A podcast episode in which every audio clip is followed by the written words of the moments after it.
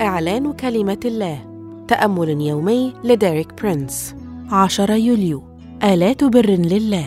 هذا الأسبوع يشرح لنا ديريك برينس أن يسوع اشترانا بثمن غال وأننا لسنا ملكا لأنفسنا بل ملك للرب. واليوم يوضح لنا أن أعضاء جسد المؤمن هي آلات بر يستخدمها الرب.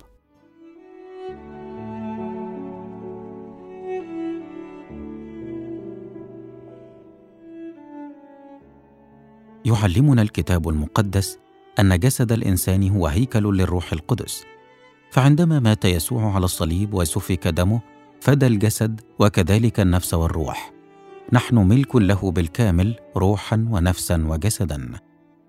الله لديه اهتمام حقيقي وغرض محدد لأجسادنا. قصد الله أن يكون الجسد هيكلا للروح القدس كما في كورنثس الأولى 6 العدد 19 أي مكانا لسكن الروح القدس في الإنسان.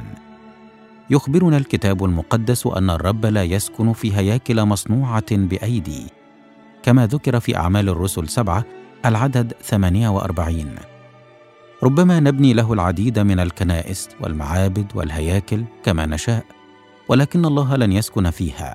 اختار الله أن يسكن في أجساد المؤمنين به، وهكذا فإن جسد المؤمن له وظيفة هامة جدا وهي أنه مكان سكن الروح القدس.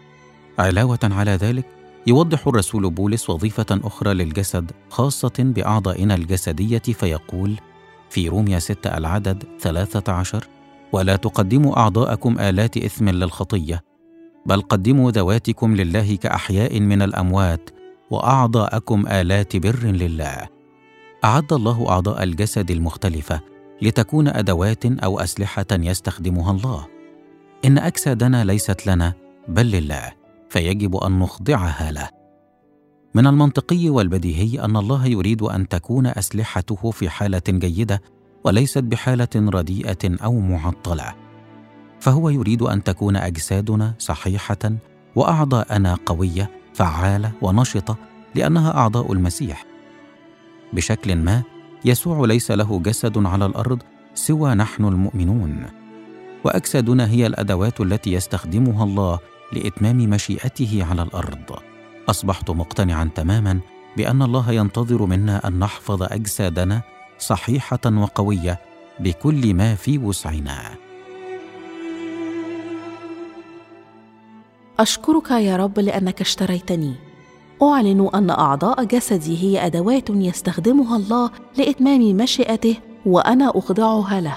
لقد اشتريت بثمن أنا ملك للرب. آمين.